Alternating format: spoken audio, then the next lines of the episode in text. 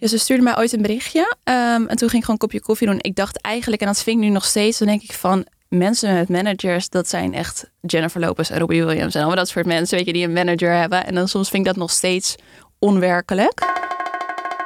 Je luistert naar Hoeveel ben ik waard? Een podcast waarin ik, Rolien, op zoek ga naar mijn financiële waarde. En deze week hoor je Julia Mekkes. Ik vind het oprecht een eer dat deze jonge vrouw in de podcast openhartig is komen praten over waarde, financiële waarde. Ze is denk ik een van de liefste mensen die ik in de laatste maanden heb ontmoet. Julia noemde zelf hoeveel ben ik waard in een vlog en dat hoorde ik weer via een trouwe luisteraar. Ik ben toen natuurlijk meteen Julia gaan stalken en ik kreeg haar uiteindelijk te pakken. We hebben het in deze aflevering natuurlijk over geld en waarde, maar ook over de toekomst en hoe je het financieel gaat verdelen als je samen gaat wonen. En je hoort of Julia wel eens een coach heeft gehad.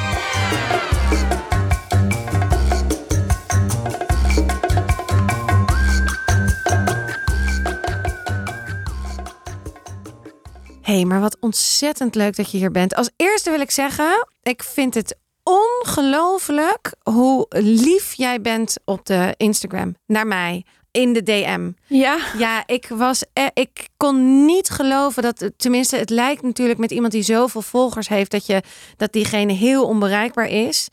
En jij bent zo persoonlijk. Nou, vind ik leuk om te horen, maar ik ben ook echt fan van de podcast. Ja, jij bent wel een beetje fan. Heb Ja. je dus alles gebinged? Ja, Ja. Ja, bijna alles gewoon. En sinds ik het, ik hoorde het volgens mij bij een andere podcast. Ik denk dat Mama Man dat ze het over hadden van dat hij het over had van hoeveel ben ik waard. Dat hij dat noemde die jou.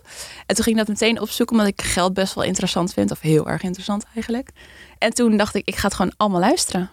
En je was meteen hooked. Ja, ik vond het, ik vind je ook een fijne stem hebben en je, je gaat ja niet zo snel stoppen met als je eenmaal een aflevering zit. Ik vond het echt fijn. Ja. Oh, wat heerlijk. Nou, dan ben ik dus heel blij dat jij aan mijn tafel zit. En dan ga ik jou ook de vraag stellen. Wanneer wist je voor het eerst wat jij waard bent?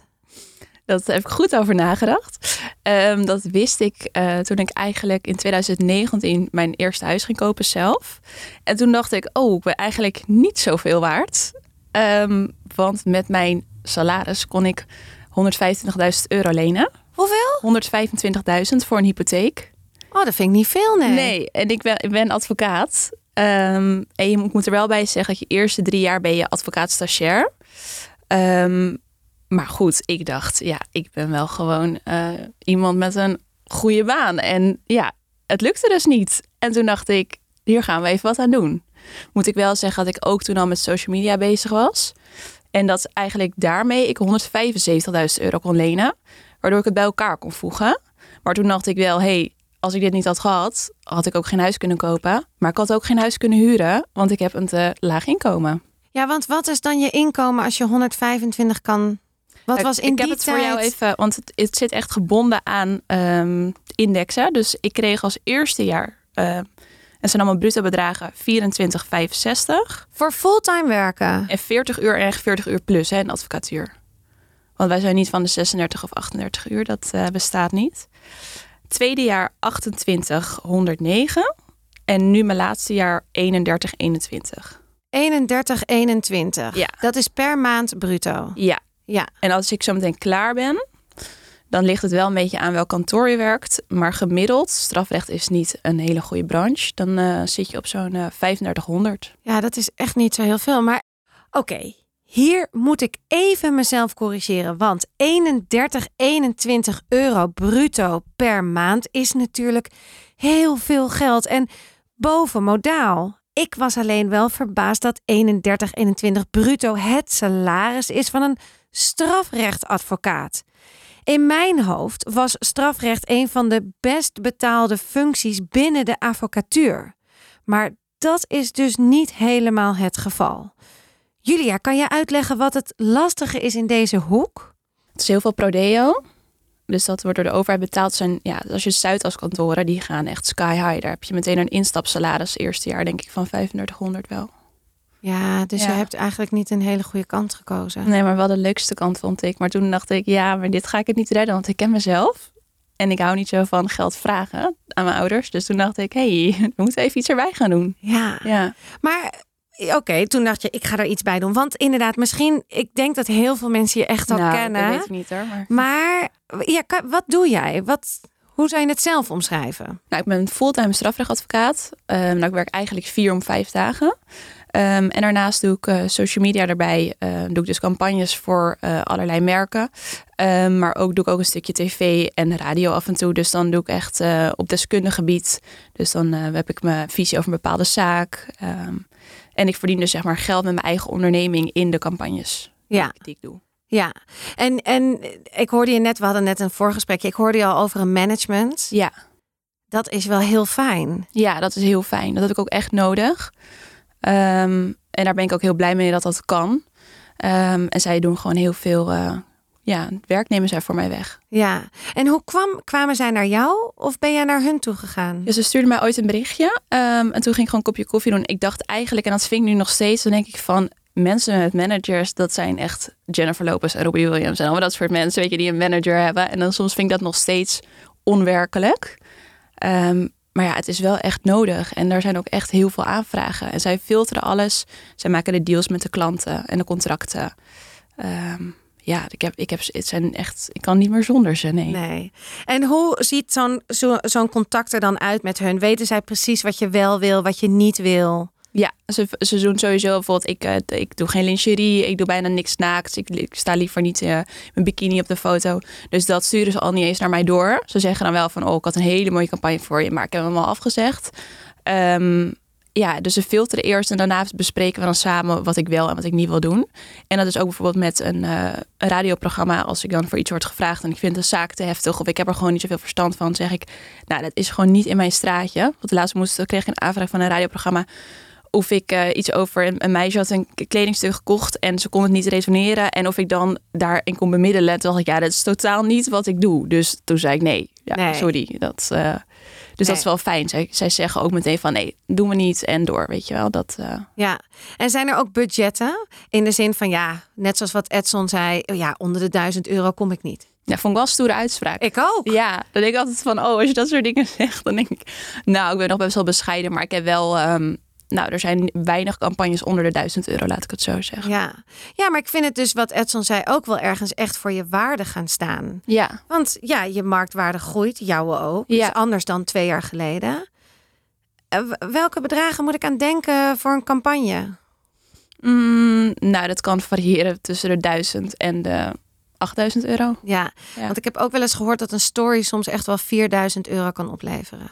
Ja, dat is bij mij niet. Dan moet ik wel echt een story-reeks doen. Oh ja, dan is het een reeks. En ze zijn wel echt meer. Um, maar story wordt wel heel goed bekeken bij mij ook. En uh, je, die swipe-ups die zijn natuurlijk heel belangrijk voor het bedrijf. Dus ze kopen bijna altijd een story erbij. Omdat je dan door kan klikken. En bij een post kan je natuurlijk niet rechtstreeks naar het artikel.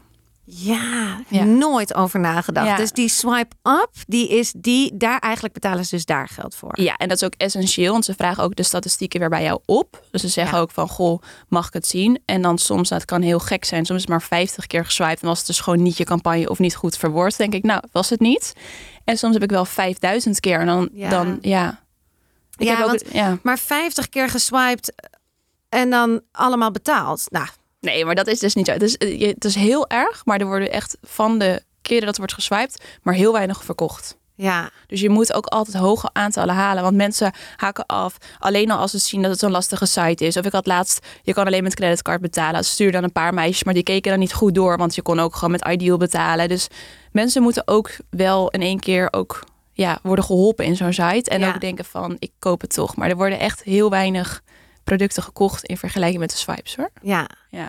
En samenwerkingen zie ja. ik ook. Dat doe jij ook. Ja, dat zijn ze eigenlijk, die, die, samenwerkingen. Ja. ja. maar dan ook nu echt met zelf. Je hebt nu een eigen kleding. Oh ja, dat, ja. die samenwerkingen. Ja, ik ja, probeerde op een gegeven moment. Ik doe dit nu denk ik 2,5, 3 jaar. En toen dacht ik, ik wil wat meer dingen die bij mij liggen. Dus ik doe sowieso geen campagnes die ik echt niet wil. Dan moet ik zeggen, je doet soms iets omdat je het toch wilt. En uh, ja, dan denk je, het is toch mooi meegenomen. Ja. Dat doet iedereen. Dat uh, kan je niet ontkennen.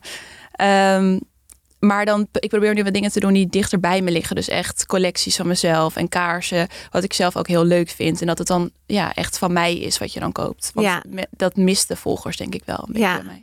Maar hoe ontstaat zoiets? Ga jij dan naar een merk toe en zegt: Ik wil een jurk ontwerpen of ik wil kaarsen ontwerpen? Of hoe, hoe, hoe ontstaat zoiets? De kaarsen bijvoorbeeld, dat was heel leuk. Dat zijn eh, vriendinnen die ik al heel lang ken. En die zeiden op een gegeven moment van, zullen we samen wat doen? Of ik vroeg het aan hun. Dus ik probeer wel echt de mensen die ik al ken, daarmee te werken. Ehm, en de kledinglijn met die ik net heb gedaan, eh, die hadden mij benaderd. Want we hadden eerst ooit samen gewerkt. En toen nou, klikte het heel erg.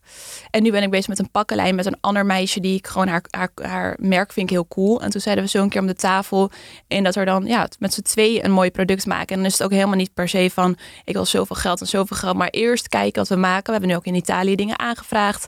En dan zien we daarna wel hoe het uitkomt, zeg maar. Dat is dan Ja. niet dat ik daar heel erg op gebrand ben van ik wil zoveel geld. Eh tuurlijk moet wat opleveren, maar dat zijn niet de campagnes waar ik meteen eh, vol de strijd in ga. Nee, maar dat is ook omdat je nu in een luxe zit. Want, je, Zeker. want er zijn gewoon campagnes die flink cashen. Ja, ik heb ook jaarcontracten met bepaalde merken. En daar ben ik heel blij mee. En ik probeer ook gewoon ehm, ja, wat, wat lange termijn samenwerkingen te doen. En niet per se de hele tijd en elke week een ander. Dat je ook een beetje daar gek van wordt. Dus de dingen die goed gaan, die probeer ik door te blijven gaan. En soms heb je altijd wel een nieuw iets om de hoek. Want je wilt ook iets nieuws proberen.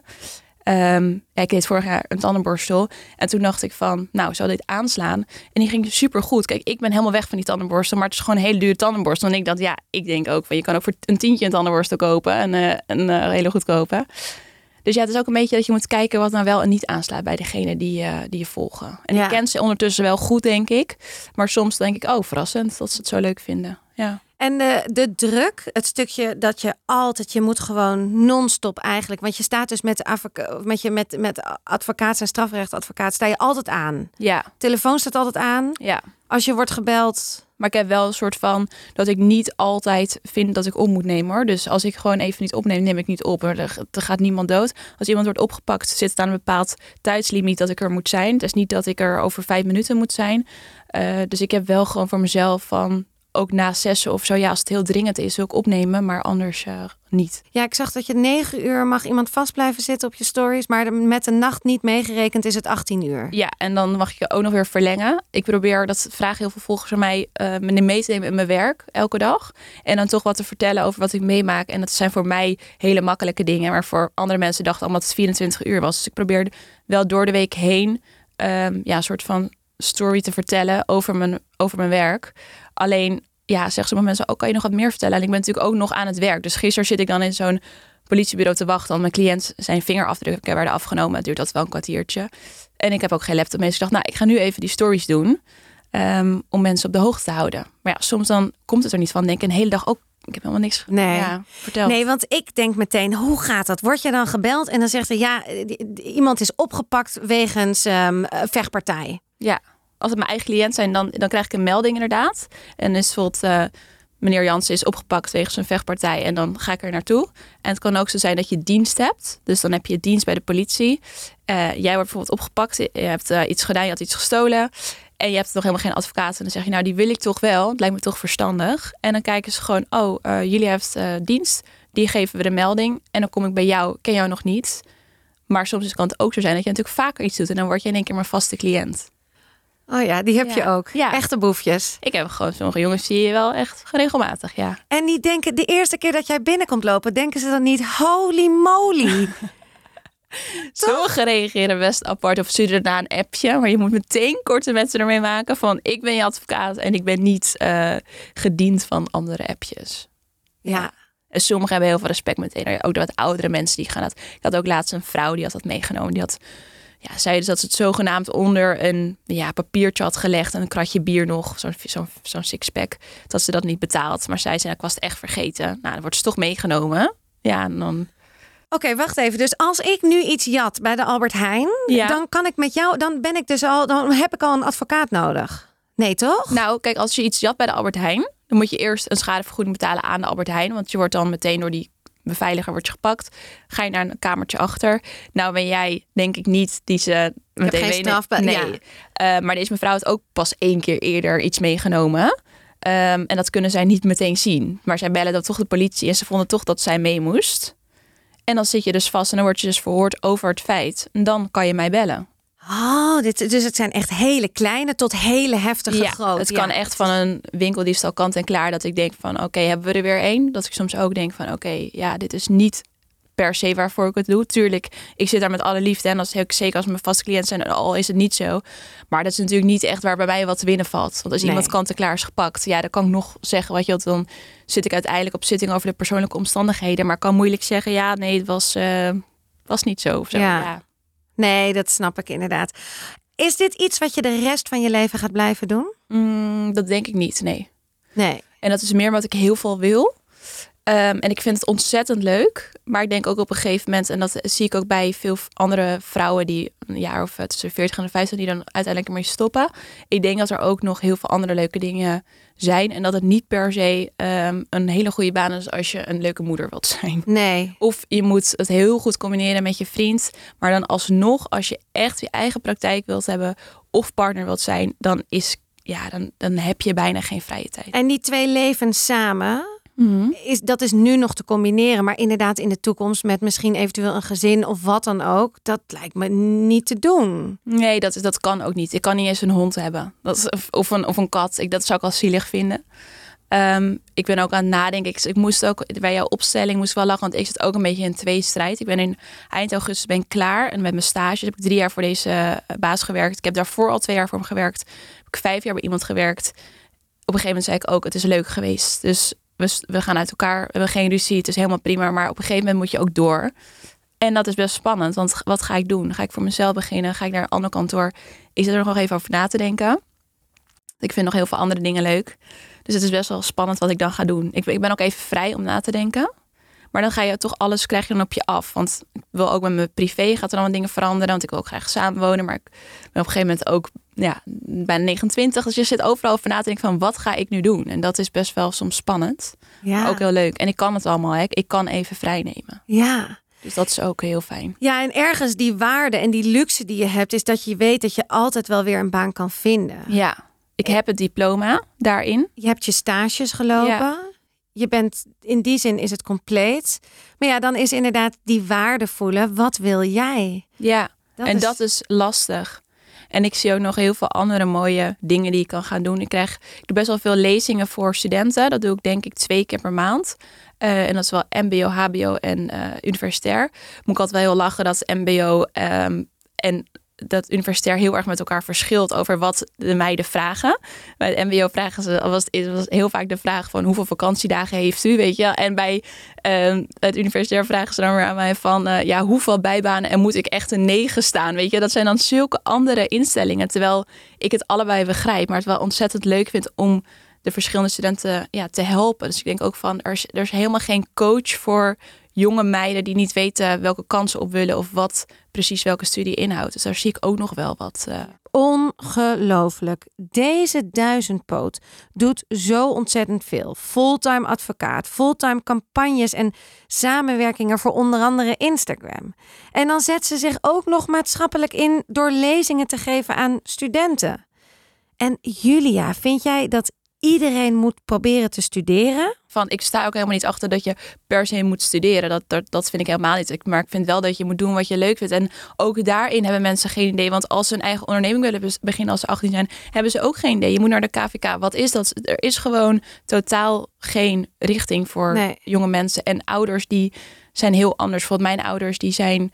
Ja, die zou ik dat ook niet kunnen vragen. Dus mijn vader die weet heel veel. Maar die zou ook het heel moeilijk vinden om aan mij uit te leggen Ja. wat ik nou precies moet gaan doen. Maar die Dat- is ook emotioneel betrokken bij jou. Dus die wil Ja. eigenlijk alleen maar het allerbeste voor jou. Dus die gaat niet de zwarte negatieve kanten vertellen Nee. van iets. Als ik iets vraag als aan hem, dus, dan, dan zegt hij altijd het voorzichtige antwoord. Terwijl ik Ja. wel eens denk van nou, ik spring gewoon in het diepe. Ja. Dus ja, dat, je ouders zijn het ook niet. Nee, want dat, ik, het eerste waar ik nu ook aan denk, hoe doe je dat met je belastingen bijvoorbeeld? Want je hebt twee, eigenlijk twee ondernemingen. Of ben je, in, je bent in loondienst nu wel. Ik ben loonisch, dus dat stukje is geregeld. ja, dat is helemaal geregeld. Maar dan heb je je stukje van de influencer. Of Ja. dat och, een rotwoord inderdaad. maar Social gewoon- media, ja. van social Ja. media. En daar moet je het zelf allemaal doen. Ja, ben Dat is- heel precies, ben ik. Ja? Ja. Ja, ik ben gewoon, dat ben ik altijd al geweest. Gewoon, ik heb echt een Excel-sheet en ik heb sowieso een boekhouder, want ik, dat begrijp ik niet. Dat, dat begrijpt denk ik niemand hoor. Die hele Nee. inkomstenbelasting moet je ook niet aan wagen. Uh, maar ik weet gewoon, uh, aan het einde van het kwartaal moet ik gewoon deze P2 betalen. Hij vult alles voor mij in. En uh, ik doe al belasting vooruit betalen. Dus ik doe elke maand doe ik zowel belasting als volgens mij is het zorg nog. Dat is een ander stukje moet je ook betalen. Um, dus dat gaat er elke maand af. En dan kom, ik nog, kom je nog volgend jaar weer aan de beurs. Want dan heb je nog een naheffing. Want je moet altijd ja. meer betalen. Tenminste, ik wel. Ben ik ook blij mee dat ik meer moet betalen. Ja. Dus ja, vind allemaal... zie je ook als een positief iets dat je veel mag betalen? Ja, ik vind dat ook niet erg. Nee. Als je veel verdient, dan betaal je ook veel. Ja. ja. zo zie ik het. En ik vind dat ook mensen die dan van die dingetjes doen dat ze niet hoeven te betalen. Of weet je, dat je heel lang hebt gehad met het Airbnb, dat mensen dan geen belasting betalen. Ik vind dat zo flauw. Je moet gewoon belasting betalen, punt, als je geld verdient. En, ja. Uh, ja. Ja, ik vind dat ook. Ik vind het ergens ook wel een eer. Dat is ook weer waarde, dat je het kan betalen. Het is alleen wel ontzettend veel, hè. Laat ik dat niet uh, achterwege laten. Jawel, maar je, A, verdien je dus ook wel veel. Ja. Dus ja, en, en kijk naar crisismomenten in Nederland en uh, hoe goed we het hebben als we op de weg rijden en zo. Ja, zeker. Alleen denk soms wel eens dat ik vind dat bepaalde mensen ook wat kunnen bijdragen aan de maatschappij. Dus dan denk ik wel van, oké, ik werk er hard voor. Uh, maar natuurlijk mensen die niet kunnen werken, niet. Maar soms zijn er wel dat ik denk ja. van, nou, mensen kunnen wel wat doen soms. Dat ja. uh, kan me wel eens aan uh, irriteren. Maar volgens mij is dat dan meer van, daar moet gewoon een betere controle op komen. Ja, van. zeker. Ja. En, en misschien ook meer betrokkenheid van dus andere mensen die zeggen, hé, hey, jij gaat wel nu echt wat doen. Ja, Want je kan ook een sigaretje en... Uh... Ik heb natuurlijk Prodeo, dus ik zie ook veel cliënten van mij. ja, dan denk ik wel van, ja, je kan echt wel werken. Dat, ja. is, dat is dan, maar die hebben dan zo lang een uitkering en daar is bijna geen controle op. Uh, ik ga die mensen ook niet aangeven. En ik denk er verder ook niks van. Ik denk het alleen één seconde in mijn hoofd. Dan denk ik, oké, jij kan best werken, maar laat het los. ja. Dat is het dan. Ja, en het is ook goed dat je dat ziet, dat je die kant ziet. En wie weet, ooit ga je er wel wat mee doen. Want je doet al wel veel vrijwillig volgens mij. Maar ja, ja dat is nog een hele grote groep die eh, best wel wat aandacht zou mogen hebben. Ja. Dus belasting, dat doe je heel erg gestructureerd. Ja, ja. allemaal Excel sheet. En uh, met je vriend, heeft hij ook zo'n mooi Excel sheet van jou moeten invullen? Uh, vriend die, die sowieso in loondienst is, maar die, uh, nou ja, ik ben wel zo precies. Maar kijk, hij is gewoon wat makkelijker. En we hebben nu ook een gemeenschappelijke rekening sinds kort. Dus we gaan samenwonen, dus we hebben het daarover. Um... Hoeveel hoe, hoe is dat ontstaan? Hoe is dat gesprek geweest? Nou, ik haal best wel vaak boodschappen. En toen zei op een gegeven moment, het is ook vervelend voor jou. En dan, ik ben niet van een tikkie sturen, gewoon nooit. Ik heb, ik heb daar een hekel aan. Als ik voor mijn vriendinnen wil betalen, dan betaal ik ervoor. Natuurlijk, als je een cadeautje met z'n allen haalt. Maar ik denk dat ik tikkie ongeveer nooit gebruik. Ik vind dat gewoon niks. Um, ja, dus hij zei op een gegeven moment van dan gaat het een beetje oneerlijk. En ook andersom, als hij even een dag alles heeft gehaald. Dus toen zeiden we, zullen we gewoon de boodschappen en een beetje cadeautjes daarvan betalen. En we zijn uh, één maand bezig. Het is 7 mei. We doen er 350 euro per persoon op. Dus 700 in totaal. Ik zat net te kijken, hebben we nog 560 euro. Dus ik vind het nog, ik vind het rustig aangaan. Ik vind het heel, het zou bij ons al lang op zijn. Maar het komt wel, kijk, hij heeft nooit een pinpas bij zich. En hij zei, ik weet niet hoe het werkt, want die pas die ging niet op dat contactloze. Dus hij zei, ik heb al twee keer ervan van, die, van mijn eigen pas betaald. Dus we moeten nog even inkomen. Maar mijn moeder zei, dat redden jullie niet. Ik zei, mam, dat gaan we gewoon redden. Maar ik ben ook wel een beetje een spaarpotje. Dus daarnaast is een spaarpotje. Dus voor de vakanties. Dus daar... die hebben jullie ook gezamenlijk? Ja, die heb ik gewoon... Ik heb het vakantie genoemd. Het mag ook iets anders uiteindelijk dat je het voor aan uitgeeft. Maar dus storten we elke maand 150 euro op. Oké, dus even het overzicht. Je hebt een eigen rekening? Mijn eigen rekening, ja. hij ook. Ja. Dan hebben jullie een gezamenlijke boodschappen. Ja. Bijna samenwonen rekening. En daar kan je dus zo'n spaarpotje in maken. Ah. Zo'n spaarrekening maken. En daar storten jullie allebei 150 euro. Ja. En, en als, heeft hij dat automatisch? Dat jullie dat allebei automatisch? Dat het, of moet je echt tegen hem zeggen, je moet het nog wel even overmaken? Hij, maar ik, ik zat het als een dolletje, want ik had het al gedaan. En we hadden een keertje een samenwerking waar hij me mee had geholpen. En ik ben altijd heel erg van het delen. Dus ik zei, nou, je had me geholpen met die samenwerking. Dus dat volledige bedrag, het was uh, eh, 1600 euro. Dus dat had ik 800 overgemaakt. Want ik doe ongeveer de helft naar de belasting. Dat, zo reken ik het altijd voor mezelf uit. Dus iets, het is natuurlijk iets minder, maar ja, ik wil het gewoon nog safe zijn. Dus zei ik, nou, ik heb het heel netjes op de vakantie. Dus op de vakantie staat nu al 950 euro. Dus je moet nog 150 overmaken.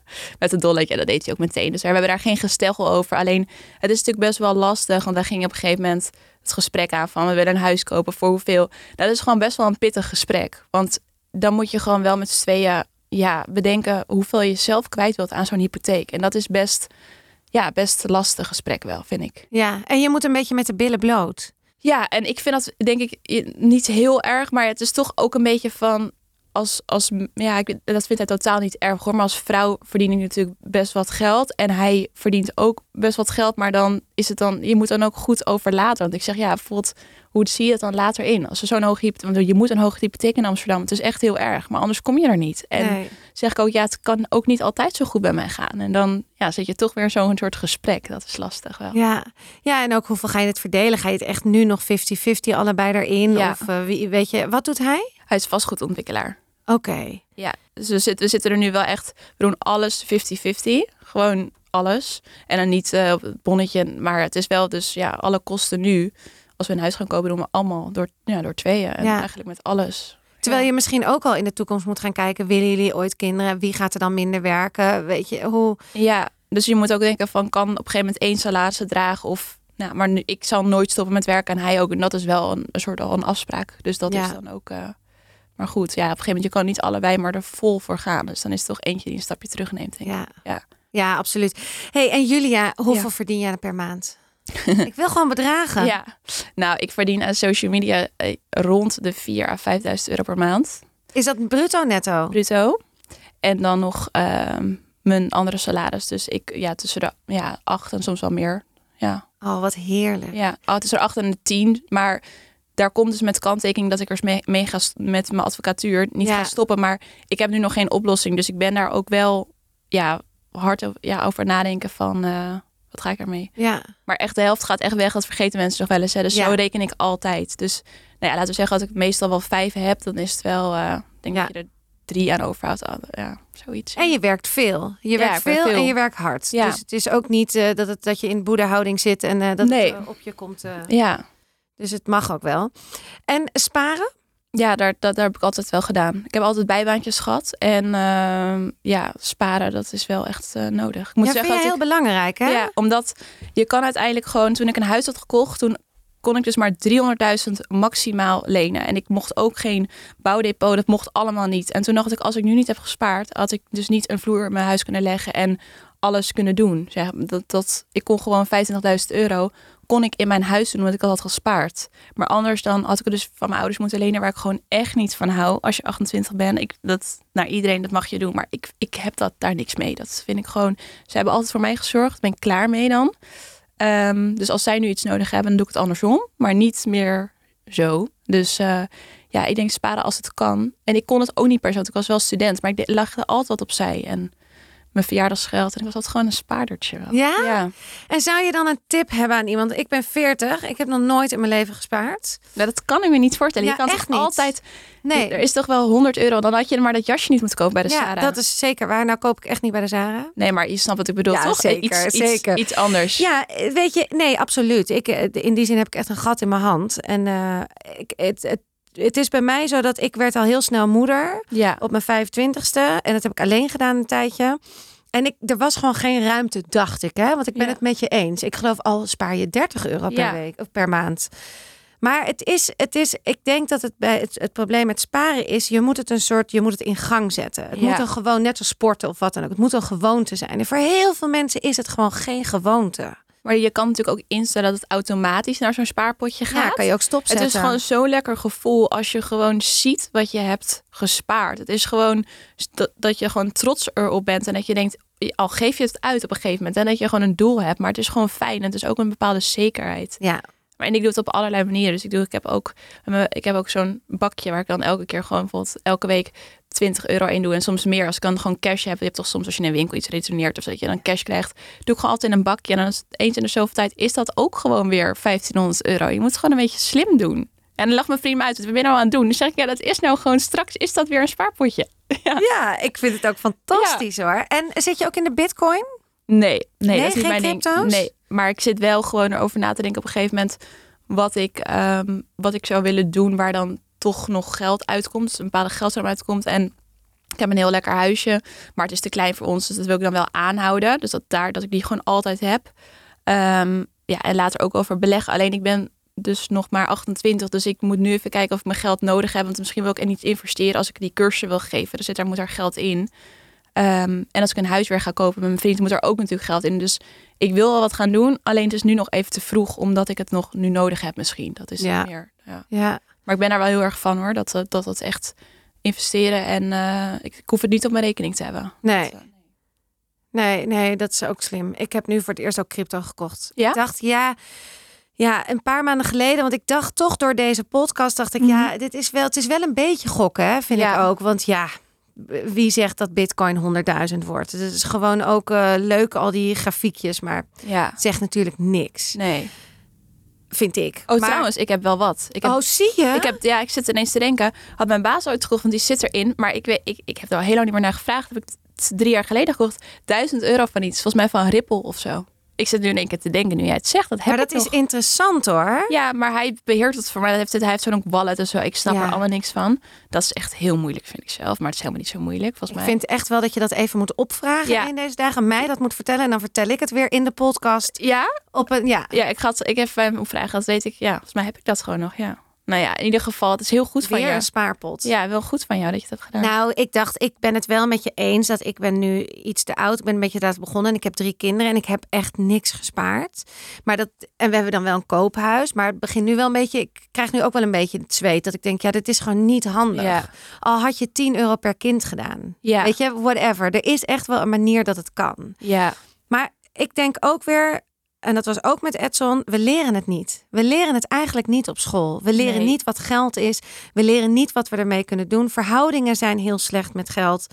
Dus dat, daar zit denk ik ook nog een leuke podcast aan te komen Ja. voor kinderen. Van hoe ga je om met geld? en de mensen weten het nog steeds niet. Nee. Als ik ook kijk om mij heen, hoe makkelijk ja, dat, dat, dat meiden worden geholpen met een huur betalen door hun ouders, omdat ze het niet redden. Dan Ja. denk ik, ja, maar je redt het wel, maar je bestelt zoveel spullen en Ja. aan, aan andere dingen. Er moet gewoon een ander, ja, vanaf jongs af aan, denk ik, veranderen. Ja. Ja. Ja, precies. hey, en je financiële doel, want je zit nu dus op de acht om en nabij per maand. Ja. Nou, dat is dus lastig, omdat ik dus iets ga, ik ga dus een soort switch maken. Of ik kan natuurlijk voor mezelf gaan werken, maar ik voel me niet meer dat ik in loondienst wil. Dat Nee. is iets wat ik gewoon nu niet voel. Kan je als ZZP'er zijn, advocaat ZZP'er? Eh, ja, je kan, je kan gewoon je eigen praktijk hebben. Ehm, maar er zitten natuurlijk heel, hele hoge kosten aan. Als in, je moet wel voor bepaalde dingen ingeschreven staan. Je moet natuurlijk wel een soort van kantoorruimte hebben. Dus dan moet ik gewoon goed kijken hoeveel zaken ik daarvoor moet draaien. Alleen ik ben nu iets te druk om dat helemaal op een rijtje te zetten. Dus daarom zei mijn vader, neem lekker even vrij. En dan gaan we er samen naar kijken. En dan zien we wel. Dus mijn financiële doel, ja, dat is... Nou, ik verdien nu dus... Mijn jaarsalaris is dan iets van 3000 keer 12 is Oh, sorry, dat is echt. eh, dat weet jij, hè, Koos? 36.000.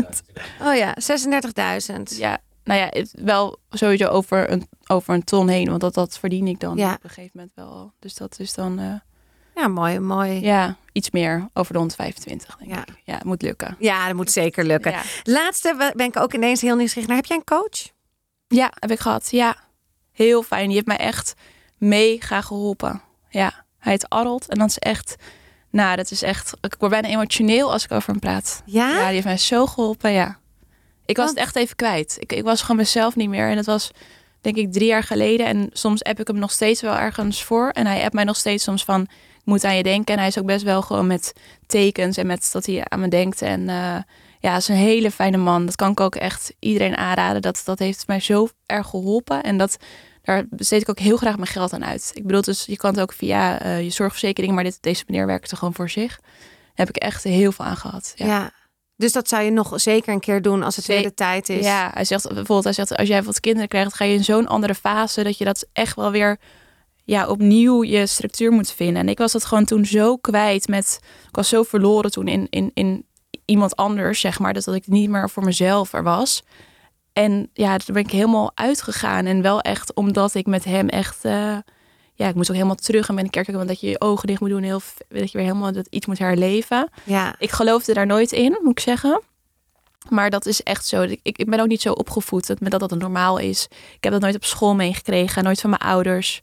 En die zeiden echt, waar ga je nou naartoe? En, eh, ik was toen 23 en ja, ik eh, zal nooit meer geen contact met hem willen. Nee? Oh, Nee. wat mooi. Ja, jij? Ja, en dat verhoogt ook je waarde. Nee, eh, nee, ik nog nooit. Nee? Ik ga Oh. maandag beginnen. Oh, ik vind dat wel iets voor jou. Ja, dat Ja. is ook eigenlijk iets voor mij. Ja, ik kwam weer binnen en toen mocht ik niet met mijn rug naar de deur. Dus toen dacht ik, oh, dit, dit is zo'n die- gekkie. Nee. Ja, dit is een beetje de gekkie. Nou, nee, ik heb wel mijn, ik kom wel uit zo'n nest, inderdaad.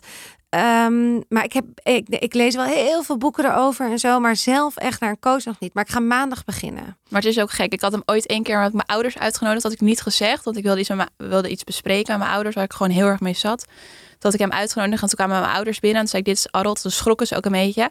En toen zag ik ook dat het voor mijn ouders dus iets heel onbekends is. Om je open te stellen. in Je gevoel. En met een, met een vreemde. En toen dacht Ja. ik, ja, dat is ook echt iets van nu, denk ik wel. Dat je dat gewoon meer bespreekbaar kan maken. Maar wat bijzonder dat je dat hebt gedaan. Ja, ik was ook heel zenuwachtig. Een echt- intervisie. Ja, ik, ik zei gewoon, ik wilde echt iets van mijn hart, maar niet alleen. Want dan ga ik alleen maar huilen of juist niet. En nou, toen dacht ik, ik vraag het gewoon of hij erbij wil zijn. En hij heeft me toen geholpen. En sindsdien, ja, dat was nu, eh, ja, in oktober was dat. En dat was, het was het einde, zeg maar, van mijn fase met hem, dus van mijn traject. Toen zei ik, ik wil nog één ding doen. En dat is gewoon mijn ouders vertellen wat wij hebben gedaan. En dan wel op een bepaald niveau. Dus niet heel diep gaan. Want ik vind ook niet dat je ouders alles hoeven te weten. Maar dus wel op een soort van kleiner eh, schalig niveau. En toen eh, was het ook een soort einde van het traject bij hem voor mij. Wauw. Ja. En hoe hebben jouw ouders dit ontvangen? Ja, ze schrokken in het begin dus omdat hij daar zat en eh, ze wisten wie het was en dat ik daar vaak naartoe ging. Maar ook ze vroegen er niet echt wat over, want dat vinden zij ook een beetje eng, denk ik, om te vragen. En uiteindelijk eh, ja, eh, gaan zij ook veel beter met een situatie om, wat ik hun heb gevraagd. Dan zijn ze gewoon veel relaxer ermee en zeggen ze ook van, hey, val niet weer in je valkuil van dat je weer extreem, want ik heb een paar valkuilen, als ik ergens heel erg voor wil gaan, kan ik ook heel teleurgesteld raken. Dus ze zien het ook nu beter in en ze kunnen me ook beter steunen. Dus dat is fijn. Ja. dat is heel mooi. Maar ook knap dat je dat zelf dan de hele tijd aangaat. Ja, Dat je veel beter weet. dat durfde ik ook niet. Maar je wordt echt, dat klinkt ook cliché, maar je moet op een gegeven moment als je wat ouder wordt, en dat ben ik niet echt, maar ik sta er wel gewoon meer voor mezelf. Ja. Je moet, en dat is ook weer je waarde. Ik, ik dacht gewoon, ik ben er nu gewoon en ja, ik ben heel lief, maar ik denk ook wel van, ik sta er wel en je moet niet over me heen lopen en zo gaan we het nu doen, weet je wel? Ja. Ik ben ook wel een harder geworden soms. Ja, nou ja. dat moet misschien ook wel in Ja. deze maatschappij. En helemaal dus in dat wereldje waar je ook wel eens je in begeeft. Je moet gewoon goed grenzen aangeven. Ja. Dat is toch ook wel weer... eh, Waarde is natuurlijk financieel, maar dit soort dingen is uiteindelijk heeft er allemaal mee te maken. ja, het is een soort van balans eigenlijk. Ja, de hele tijd zoeken naar die balans. En daarom, je groeit weer in je waarde. Dan Mhm. moet ook de rest meegroeien. Dus dat heeft natuurlijk allemaal met elkaar te, met elkaar te maken. hey, dankjewel. Alsjeblieft, dat was Ik heel vond leuk. Het, ja, vond je het Ja. leuk? Ja. Oh, wat fijn. Je luisterde naar Julia Mekkes, een vrouw met veel passies en veel talenten. En ik denk dat we nog heel veel van haar gaan horen en ook zien. En wil jij nou Julia's vijf unieke antwoorden horen in de podcast 5 Vragen van Rolien? Word dan Roro. Voor 4 euro per maand support je de podcast en krijg je extra content. Ga naar www.petje.af slash. En abonneer je natuurlijk in Spotify.